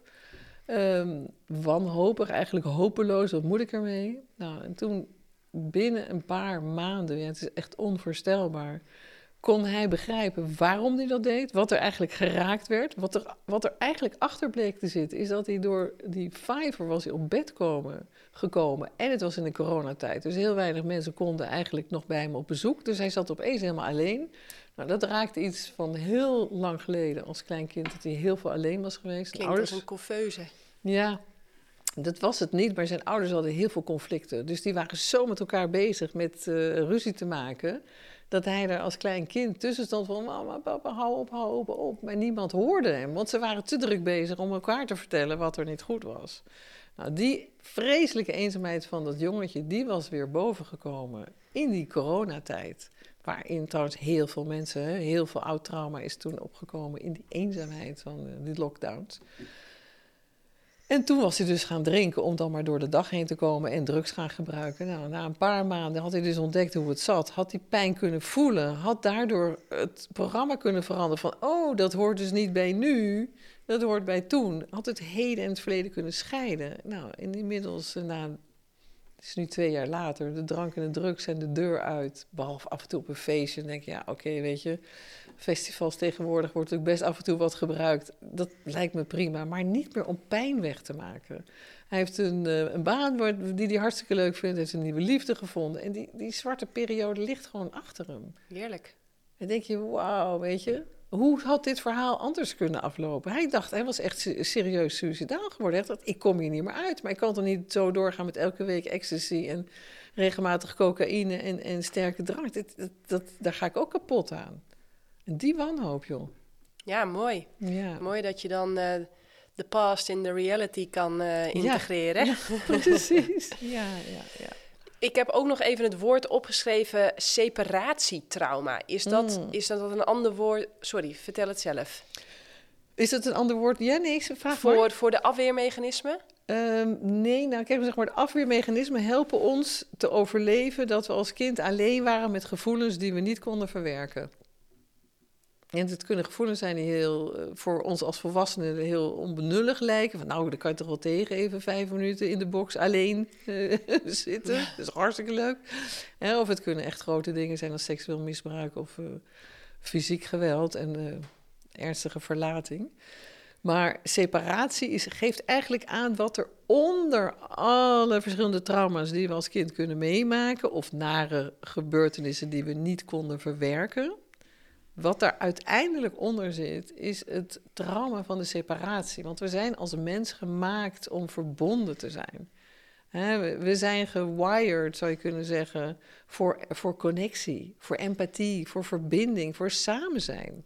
Nou, en elk trauma wat we als kind meemaken, of elke pijnlijke gebeurtenis die we niet kunnen verwerken, is eigenlijk een shock voor dat gevoel van verbinding. Want die geeft ons de boodschap van ik ben alleen. Ik ben alleen op deze wereld. Hè? Ik zit alleen in de box, of ik lig alleen in mijn bedje te huilen. Of mijn moeder wordt boos op me en mijn vader die beschermt me niet. Dus de verbinding waar we vandaan komen en waar we denk ik allemaal weer terug naartoe willen, die wordt, die wordt verbroken. Dat is uh, ja, eigenlijk het, het grote universele trauma van de mens, zou je kunnen zeggen. Het separatietrauma. Wow, wat zul jij ook met uh, ledenogen naar de lockdowns en zo en de, hebben gekeken? Ja, ja, heel heftig wat daar allemaal gebeurd is. Ja. Ontzettend veel mensen die opeens op, op zichzelf waren aangewezen. En het geweld binnen gezinnen. Dus je zal maar met drie kinderen in een klein appartement in de stad zitten.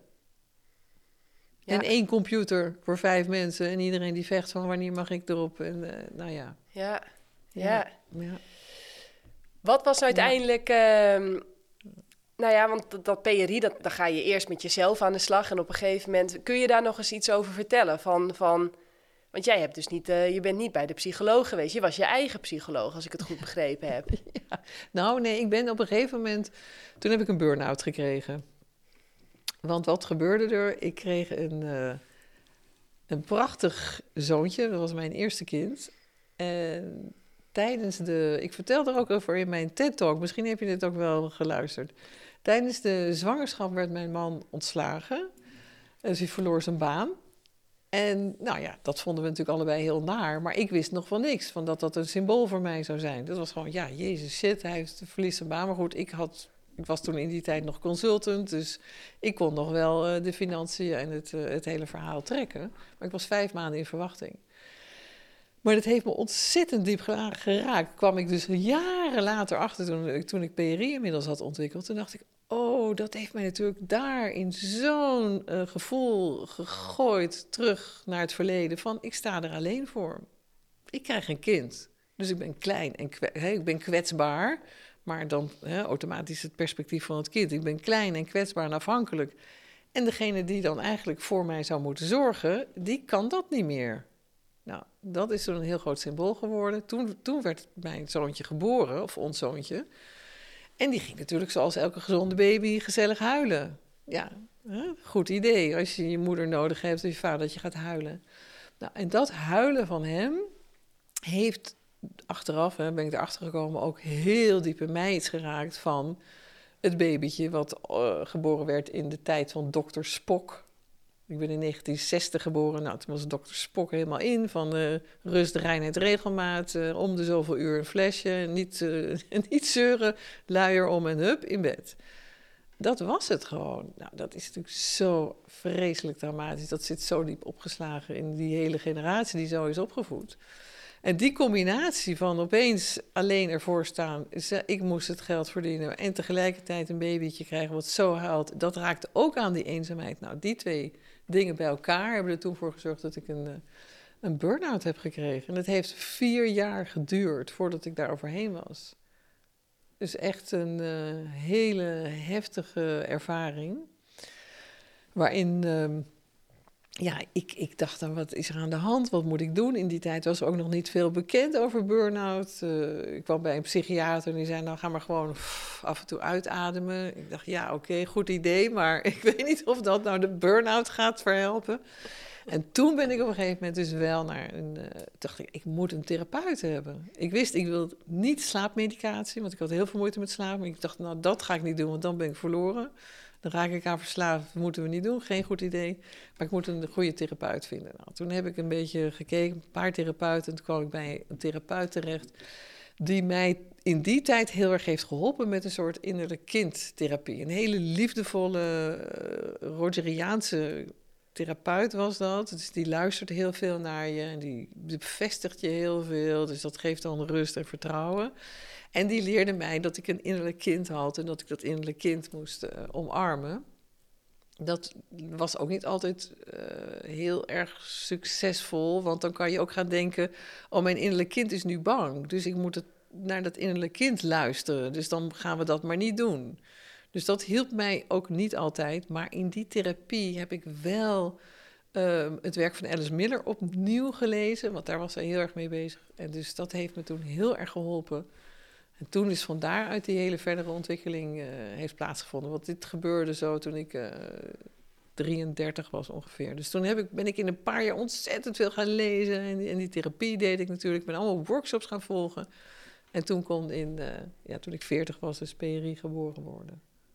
Ja. En wat, wat voor invloed heeft dit allemaal? Want ik, op je, bijvoorbeeld op je eetgewoontes. Ja, de eetgewoontes. Nou, ik was al uh, bezig voordat ik PRI had ontwikkeld met uh, veganisme.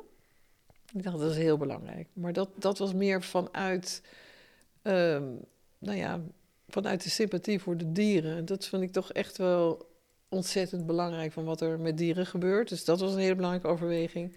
En ook vanuit gezondheidsoverweging. Ik dacht, nou, volgens mij is dat echt veel beter om uh, in ieder geval geen vlees meer te eten en ook geen melkproducten. Dus dat heb ik toen best een tijd lang uh, volgehouden. En toen ben ik toch van die verleden weer vegetarisch geworden, moet ik tot mijn schuld bekennen. Want het voelt echt uh, als het is beter om ook melkproducten te vermijden als je weet wat er met de dieren gebeurt. Hè? En ook voor je gezondheid. En PRI heeft in die zin, ik was eigenlijk al heel erg bezig met eten voordat ik PRI ontwikkelde. Dus ik denk niet dat PRI op zich invloed heeft gehad op de eetgewoonte. Nee.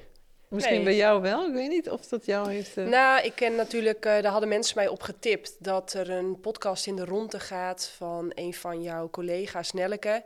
En die boekt heel veel progressie in, Oh, in ja. combinatie van PRI en een mensen met, anorexia. ja, en met eetstoornissen. Ja, dus daar zat ik ook een beetje van. natuurlijk. eh, Ja, nee, dat is echt dat is heel mooi dat je dat noemt. Want ehm, met anorexia, het het is een ongelooflijk moeilijke eh, ziekte. Of ziekte, wij noemen het een afweermechanisme, geen ziekte. Maar het is de, eh, ja, de meeste dodelijke ziekte die er is. Hè. Die meisjes, meestal ook jongens natuurlijk, en ook soms volwassenen. Maar er is een enorm groot aantal wat dan overlijdt, ofwel door zelfmoord of door totale uitputting. En de klinieken vaak ehm, jarenlang in en uit met eh, echt heel veel lijden. Dan denk ik even aan een meisje, laat ik haar eh, Esther noemen, dat is niet de echte naam.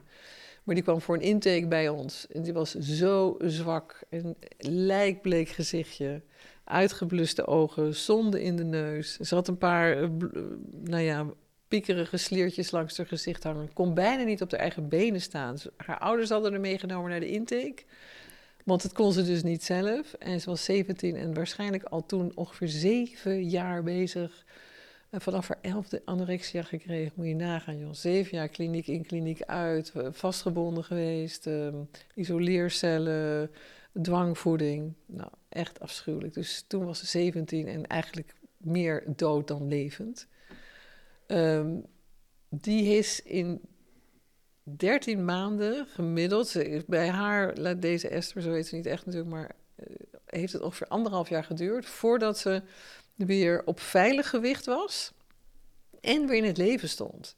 Dus ze is een opleiding gaan doen, ze heeft een rijbewijs gehaald, ze is eh, stage gaan lopen, eh En, ze is gewoon weer jullie, helemaal in, in het leven teruggekomen. zien jullie een soort van gemene delen bij die meiden? Wa- wa- Waar het over gaat. Ja, ja een gemene ja, dat- afweermechanisme? Ja, dit- wat, wat, eh, kijk, het eerste afweermechanisme bij anorexia is de ontkenning van behoeften. Ik heb niks nodig, ik hoef ook niet te eten, want dan voel je niks. Als je niet meer eet, of tenminste heel weinig eet, voel je niet. Dus dat is het eerste mechanisme wat er zit. Maar daaronder zit een hele grote primaire afweer. Dus het, er zit het gevoel van, ik ben zo slecht, ik deug niet, zelfs zelfhaat. Ik ben zo afschuwelijk, ik verdien niks, ik mag Ja. niet. Ik mag niet eten, ik mag niet genieten, ik mag niet lekker op de bank naar een, een mooie, weet ik veel, film kijken. Ja. Nee, ik moet acht uur rondlopen bijvoorbeeld. Nou, echt, gaat heel ver. Dus Het gaat echt zelf, heel ver. zelfhaat en zelfstraf. En daaronder zit oude pijn. En we hebben het zelfs meegemaakt bij meisjes die dan een intake hebben gehad. En dan leggen we dat uit. Dat ze dan na de intake zelfs al zeggen... Oh, nou als het dat is, nou, kan ik nu wel even een chocoladeletter eten. het was toevallig, was dit uh, in, ook in de Sinterklaastijd een paar jaar geleden. Dus alleen al dat snappen kan al ontzettend veel doen. Maar moet je nagaan, wij hebben gemiddeld, hè, gemiddeld, het zijn natuurlijk kortere en langere trajecten, maar gemiddeld met toch best wel de zwaarste gevallen die bij ons komen, die dan al een, dat hele circuit achter de rug hebben. In 13 maanden zijn ze weer op veilig gewicht en staan weer in het leven. Ja, dat is echt. Ja, dat is uh, ongelooflijk. Dat is, dat, dat, dat, dan word ik zo dankbaar als ik daaraan denk. En, en ook zo trots op al die therapeuten die dat werk doen. Want het is natuurlijk ja, echt levensreddend. Heel erg mooi. En, en want uh, wat ik heel erg uh, herken bij iemand in mijn omgeving, die verdient het niet eens om op de stoel te zitten. Ja, want ja, dat is precies. gewoon lui. Ja, en, ja, exact. Dat is al ja, en ongelooflijk. ongelooflijk. Zo maar ver daar, gaat het. wa- Waar, waar komt dat vandaan?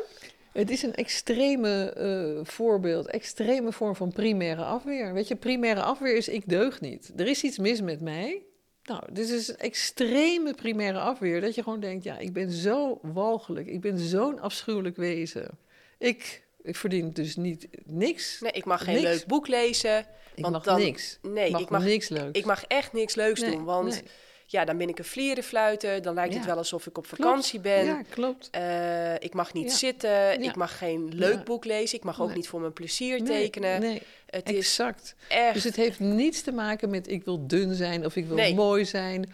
Of ik wil controle hebben of ik wil mijn omgeving manipuleren. Daar heeft het niets, want dat wordt gedacht. En dat is zo afschuwelijk, want dan krijgen ze die zelfhaat die deze meisjes meestal dus al, hebben, dan komt daar dus nog eens een keer bovenop dat de wereld gaat zeggen: ja, je bent gewoon een manipulerend monster. Jij wil gewoon controle hebben over je ouders. Oh, sorry.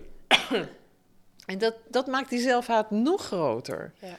Het is echt een drama. ja, want super gevoelig. Dus Ja, dat soort etiketten die ze wel in eh, de mm, instituten, klinieken ja, krijgen... Ja. ja, dan weet je, ook nog zo onbegrepen voelen dan. dan, dan Totaal. En moet je je voorstellen, en dan word je ook nog eens een keer, krijg je dwangvoeding. Waarbij dan soms ook nog de zonde die ze inbrengen in de neus, maken ze dan opzettelijk net iets groter dan het neusgat zelf is. Want dan doet het pijn, want dan leer je van oké, dit moet ik niet doen. Dus er wordt heel erg gedacht. Ja, het is echt afschuw. Het is hartverscheurend, Janneke. Echt, ik vind het zo erg. De, maar het, het idee is van, oké, als je iets doet wat niet goed voor je is, dan moet je straf. straf krijgen. Want dan, dan dus het is, het is vanuit goede bedoelingen. Ja, dat is Hè? alles. Ja, het is Maar de vanuit weg goede naar de bedoeling. Maar het is natuurlijk het averechtse effect. Want als je mensen gaat dwingen die al een dwangstoornis hebben, want het is eigenlijk een soort dwangstoornis. Ja, het is hè? een dwangstoornis. Ja, Absoluut. Ik mag dit niet, ik mag dat niet. Ik moet acht uur rondjes lopen of ik moet honderd keer de trap op en af. Ja, ja, dat zie ik ook En die heel... ga je dwingen en die ga je nog meer behandelen alsof ze echt niet oké zijn. Hè? Er worden ook soms vreselijke dingen gezegd tegen deze meisjes. Ja, dat komt natuurlijk allemaal, valt het in hetzelfde putje van ja, ik haat mezelf al, ik ben al zo'n afschuwelijk wezen. Nou, zie je wel, ze vinden het allemaal. Ja, wat moet je dan nog? Dan, Ja. kan, je, dan kan je echt helemaal niet meer eten. Nee. Nee. Ja, het is, eh, Nee, eh, die dwangstoornis, dat, eh, dat, dat, dat, eh, Ja. dat zie ik heel Ja. erg. Ja. Dus voor de maaltijd eh, eerst eh, op de wc 30 Ja. squats maken.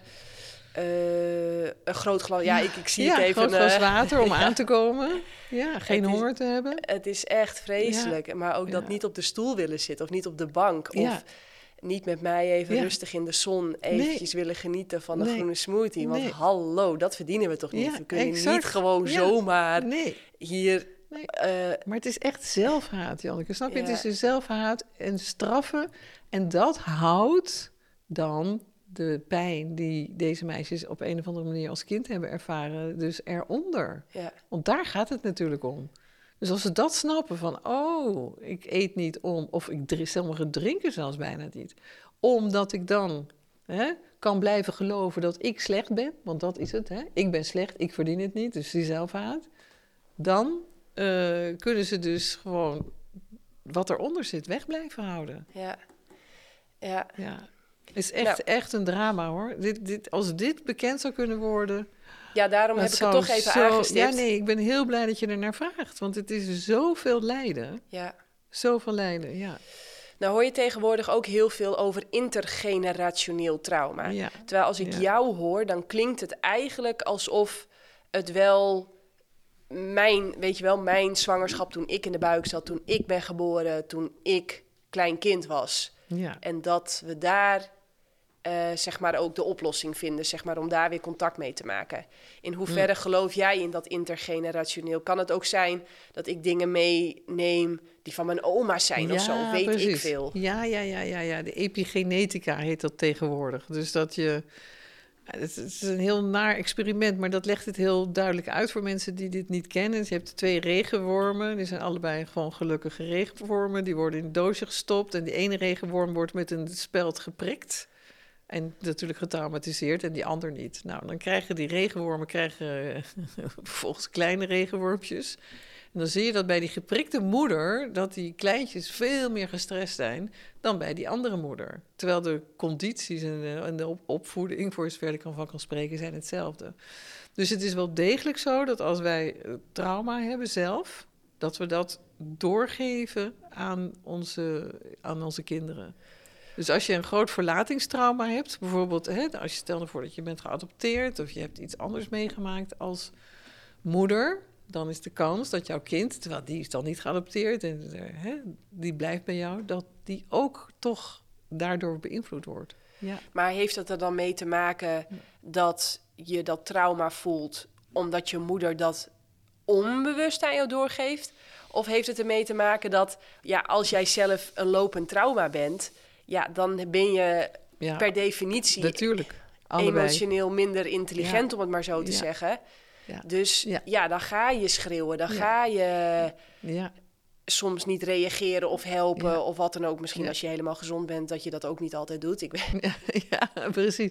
Maar ik denk dat het allebei, het telt allebei mee. Ik denk als je geboren wordt van ouders die dus bepaald trauma in zich dragen, dat je daar een verhoogde gevoeligheid voor hebt, dat trauma. En tegelijkertijd zullen die ouders met dat trauma natuurlijk ook handelen vanuit dat trauma. Dus het is altijd een interactie. Ja, Maar je zal zeker die trauma's, die, die gaan gewoon door. Dat is nu in de epigenetica, dus dat is epi betekent boven, dus wat boven de genen zit, dat zal echt een invloed hebben. Dus dat is best wel een heel belangrijke ontdekking. ja. Maar uiteindelijk kun je de oplossing natuurlijk gewoon weer vinden in het werken met je eigen oude pijn. Want je bent dan gewoon als babytje in die, in die wieg. eh, of in de box, zal het ene kindje zitten in de box en denkt, nou, ik vind het prima hier in die box. Hè? Maar als jij toevallig een kindje bent van een moeder die heel veel alleen is gelaten, dan zal je een verhoogde gevoeligheid hebben voor het alleen gelaten worden in die box. Snap je? Dus op die manier, ja. Ja, mooi. Wat zijn we vergeten te bespreken? Ja, goede vraag. Nou, ik zit even nog te denken, misschien aan wat interessant is om te zeggen, is wat anders is aan PRI. Ja. Hè? Ehm, ja, ik denk dat, dat het heel belangrijk is om te weten dat hè, het is een, een methode die je, dus, die je dus zelf leert. Dat is heel belangrijk. Hè? Dus je wordt onafhankelijk van de therapeut. Ja, dat, dat is echt heel fijn. Het is een methode die je dus eh, leert eh, wat de oorsprong is, dus dat je het gaat begrijpen. Hè, die, die, die cliënt van mij die 40 jaar lang rondloopt met het gevoel van... ik heb een heel groot probleem met seksualiteit... maar in godsnaam, waar, wat is er aan de hand? Geen idee. Dat is natuurlijk gewoon heel naar. Dus ehm, dat je een instrument in de handen hebt... wat je altijd zelf kan gebruiken. Ik denk even aan een webinar wat ik laatst deed... en daar, daar kwam een... eh, een, jonge vrouw die, die kwam daar even in beeld om haar verhaal te vertellen. Die had aan anorexia geleden. En dat was nu dus met behulp van PRI was ze daarvan hersteld. En die zat daar zo te stralen. Dat maakte echt zo'n indruk. Echt helemaal als een soort engel zat ze te stralen. En, en toen ging ik even met haar praten. En toen vertelde ze hoe fijn het allemaal natuurlijk was. En toen zei ze, weet je wat het mooiste is, Ingeborg? Ik, ik heb nu gewoon een instrument in handen wat ik kan gebruiken. Altijd als ik het nodig heb. En soms gebeurt er iets. Dan wordt mijn vriend boos, geloof ik, zoiets zei ze. En dan voel ik die afweer komen van ik wil niet meer eten. En dan kan ik er meteen mee aan de slag. Met andere woorden, ik hoef niet meer bang te zijn. Wat er ook gebeurt in het leven, ik weet nu dat ik een instrument heb om het aan te gaan. Om eruit te komen. Ja, dat is heerlijk. Dat, Dat je, is waar zo ook de wereld altijd denkt van ja, ik heb mezelf. Ja, En ik kan daarmee, ik, ik kan eruit komen. Ik snap wat er aan de hand is. Ik kan zien wanneer ik van slag raak en ik weet wat ik kan doen. Dus dat is ook fantastisch. Nou, en dan tot slot, wat misschien ook wel echt heel mooi is om te noemen, is ehm, dat je de resultaat ook nog snel krijgt. Het is niet zo dat je een jaar moet wachten. Het is, je kunt al, zo gauw je die cirkel van bewustzijn, als die wordt uitgelegd, hoe dat in elkaar werkt, kan dat al zo'n opluchting geven. Maar vervolgens ga je de tools leren toepassen met behulp van een PRI-therapeut. En dan kan je binnen een paar maanden, begin je dat al te leren toepassen. Dan moet je je voorstellen, als je jarenlang hebt geleden aan van alles en nog wat, want mensen stellen het heel lang uit om in therapie te gaan. Hè? Je, Ja, ik vind therapie ook, eh, heeft vandaag de dag nog steeds wel een Ja. beetje... Gekke, ja, dat Ja. doe je toch niet? Ja, dat liever niet. Als het niet hoeft, niet. In plaats van te denken, ja, maar daar kan ik gewoon mezelf een ontzettende groot plezier mee doen. En dus dat denk ik is ook heel belangrijk. En tot slot, wat ik ook toch echt wel zou willen benadrukken, is dat, of benadrukken, zou willen noemen, is dat wij binnen PRI ervoor zorgen dat mensen binnen twee weken een intake hebben. Want die wachtlijsten ellende. Ik bedoel, als je voorstelt dat je depressief bent, of zelfs suicidaal, of meer dood dan levend met anorexia, en je moet dan drie maanden wachten voor een intake. Ja, dat, wij denken dat kan. Wij moeten, wij maken gewoon echt die effort om te zorgen dat mensen binnen twee weken een, een intake kunnen hebben. Ja. Ja, dus dat lijkt me ook echt wel een belangrijk punt om duidelijk te maken. Ja. Ja. Nou, het doet mij ook nog eventjes Ja. herinneren aan, omdat ik een van je boeken weer opnieuw aan het, aan het lezen ben. Mhm. En ehm, dat is het boek over de relaties. ja, ja, ja. En, schreef hem in 2015 alweer, las ik. Ja, Maar wat ik heel gaaf vond om daarin te lezen, dat je de, re- de relatie vergelijkt met een boom. ja, En dat die boom die heeft eh, aarde nodig om goed te wortelen. Hij heeft eh, water nodig en hij heeft eh, licht. licht nodig. Ja. En voor mij was dat echt eventjes, wauw, weer een eye-opener. Mhm. Ehm, ik dacht, ja, ik, ik- voor mij is kennis en begrip wel altijd heel Ja, handig of zo. Tuurlijk, ik weet niet, dan ja. kan ik dingen beter herkennen, Ja. ik kan beter woorden geven aan dingen. En ehm, de grootste eye-opener was dus die, die ehm, want daar zitten wij nu een beetje in, hè? net een kind en Ja. eh, beide een eigen business. Nou, je schreef het letterlijk ook. Dan ga je dus van tien jaar lang, dat je, heb je een relatie gehad. ja, En dan word je een soort van een business samen, waar je dus echt voor moet waken. Ja, Maar dat het hem Ja. dus erin zit, dat je, dat, dat vond ik zo mooi, dat je kunt wel praten met elkaar. Maar als je dus niet praat over wat er echt speelt bij die ander, maar je bent de hele tijd aan wie haalt wanneer op, eh, Ja, wie is ja, wanneer precies, thuis. Ja, Dan heb je wel heel veel woorden met elkaar. Maar dan mis je die, ja, dan, dan hoe diep geworteld die boom dan ook is en hoeveel vertrouwen dan er over en weer ook is. ja, hij, eh, hij verschrompelt toch. ja. Dat, ja, eh, klopt. Ik ja. vond het wel een mooie metafoor. Dat Ja. ik dacht, oh ja, lekker simpel weer. Ja, ja, dat is mooi. Hè? Ja, en er staat ook een test in het boek. Die kan je doen met je partner. En dan kan je kijken van, oké, waar, eh, waar zouden we aan willen werken? Om, om weer eens meer hè, terug te halen van die liefde, hoe die was in het begin. Ja, En dat kan, dat kan. Want ik werk ook met eh, stellen. En ik zie iedere keer weer dat als ik ga, een beetje ga graven... dan hup, komt die fontein van de liefde komt weer naar boven. Alleen is door de loop der jaren is daar dan wat eh, aarde overheen gekomen. En soms na heel veel jaren heel veel aarde. En dan denk zo, de fontein van de liefde, die is er niet meer. Maar die is er wel degelijk. Dus je kan het boek doen en dan kan je met je partner die test doornemen. En dan kan je kijken, hé, hey, kijk, daar en daar en daar.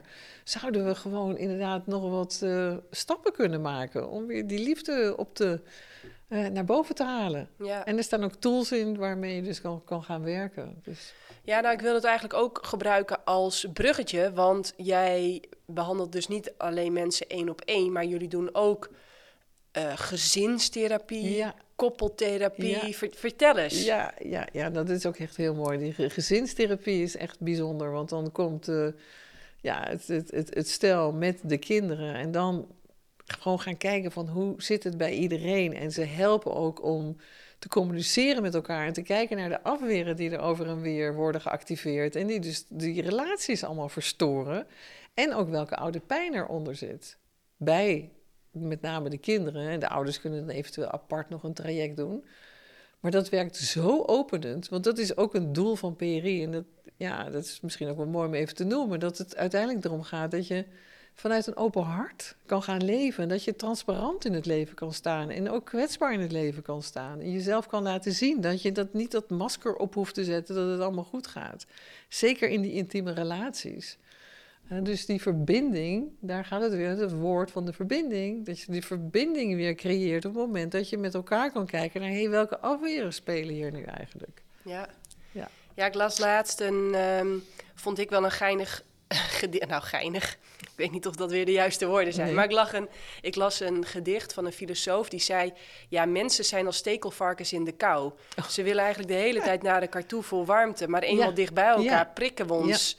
prikken we elkaar de hele tijd met eigenlijk met onze trauma's. En toen dacht ik, wow, ja, hoe... Oh, dat is heel mooi gezegd. En dat is misschien ook uh, wel iets wat in mijn nieuwe boek... wat dus deze week uitkomt, morgen... Morgen, ja. Ga ik het zien? Ga ik het vasthouden? Dat is altijd een mooi moment. Hè? Dan is het kind echt geboren. In het nieuwe boek besteed ik daar ook veel aandacht aan. Met name, um, dus we willen allemaal naar elkaar toe. Maar het kan vaak zo zijn dat uh, wantrouwen een rol speelt. Of dat je denkt, ja, maar wat wil die ander? Of hoe zit het dan precies? Dat mensen het moeilijk vinden om zich over te geven. In openheid aan elkaar. En in, op een open manier te communiceren. Nou, dat is een heel groot onderdeel van dat boek. Waarbij zeg maar, het centrale thema is eigenlijk het leven is een spiegelpaleis. Hè? Dus om, hoe kan ik dat gaan zien? Dat wat er buiten me ziet, dat het eigenlijk gaat over mijzelf. En dan van daaruit, hoe kan ik dan die verbinding met die ander vinden? Hoe kan ik in, in vertrouwen met een open hart samenkomen? Dus dat is, uh, ja, voor mensen die daarmee bezig zijn, is dat misschien ook wel leuk om te weten. En is dat, uh, is dat ja. ook de titel? Ja, dat is, ja dit, nee, de titel is Emotionele Bevrijding. Emotionele Bevrijding. Ja. Wauw. hey, maar is het niet ook... Uh, sorry, ik, ga, ik heb toch nog even een vraag. want wat ik, wat ik uh, terug zie komen is... En ik zie het bijna een beetje als een spiritual bypass... dat mensen op een gegeven moment alles maar op zichzelf gaan betrekken. En dat, dan zie ik toch die valse hoop. Soms, soms, soms, ja, is die ander toch ook gewoon een klootzak, om het maar even zo te zeggen. Ja, precies. Ja, nou, het is wel mooi. De spiritual bypass staat ook in het boek uh, beschreven, maar dat is dan meer over mensen die de, meteen de verticale verbinding maken naar het spirituele en het emotionele werk. Dus eigenlijk de verbinding met de ander. Nou, dat is allemaal niet zo belangrijk. Hè? Dus het gaat om de verbinding met, met het goddelijke en met het menselijke. Nou, laat maar. Dan kan je ook te veel eh, te gaan, gaan zweven, niet genoeg met je voeten in de aarde staan.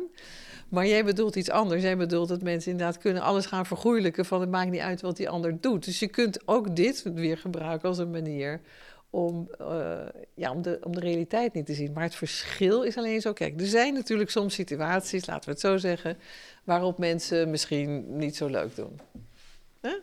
Dat kan gebeuren. Dat je iemand tegenkomt die niet zo aardig is, laat ik het zo maar zeggen. Nou, dan kan je daarop reageren door bijvoorbeeld bang te worden. Van, oh jee, weet je, ik kan me niet beschermen. Of door te denken, oh, heb ik iets verkeerd gedaan? Of door ook te denken van, nou, flikker op, weet je, wat, moet ik me hiermee?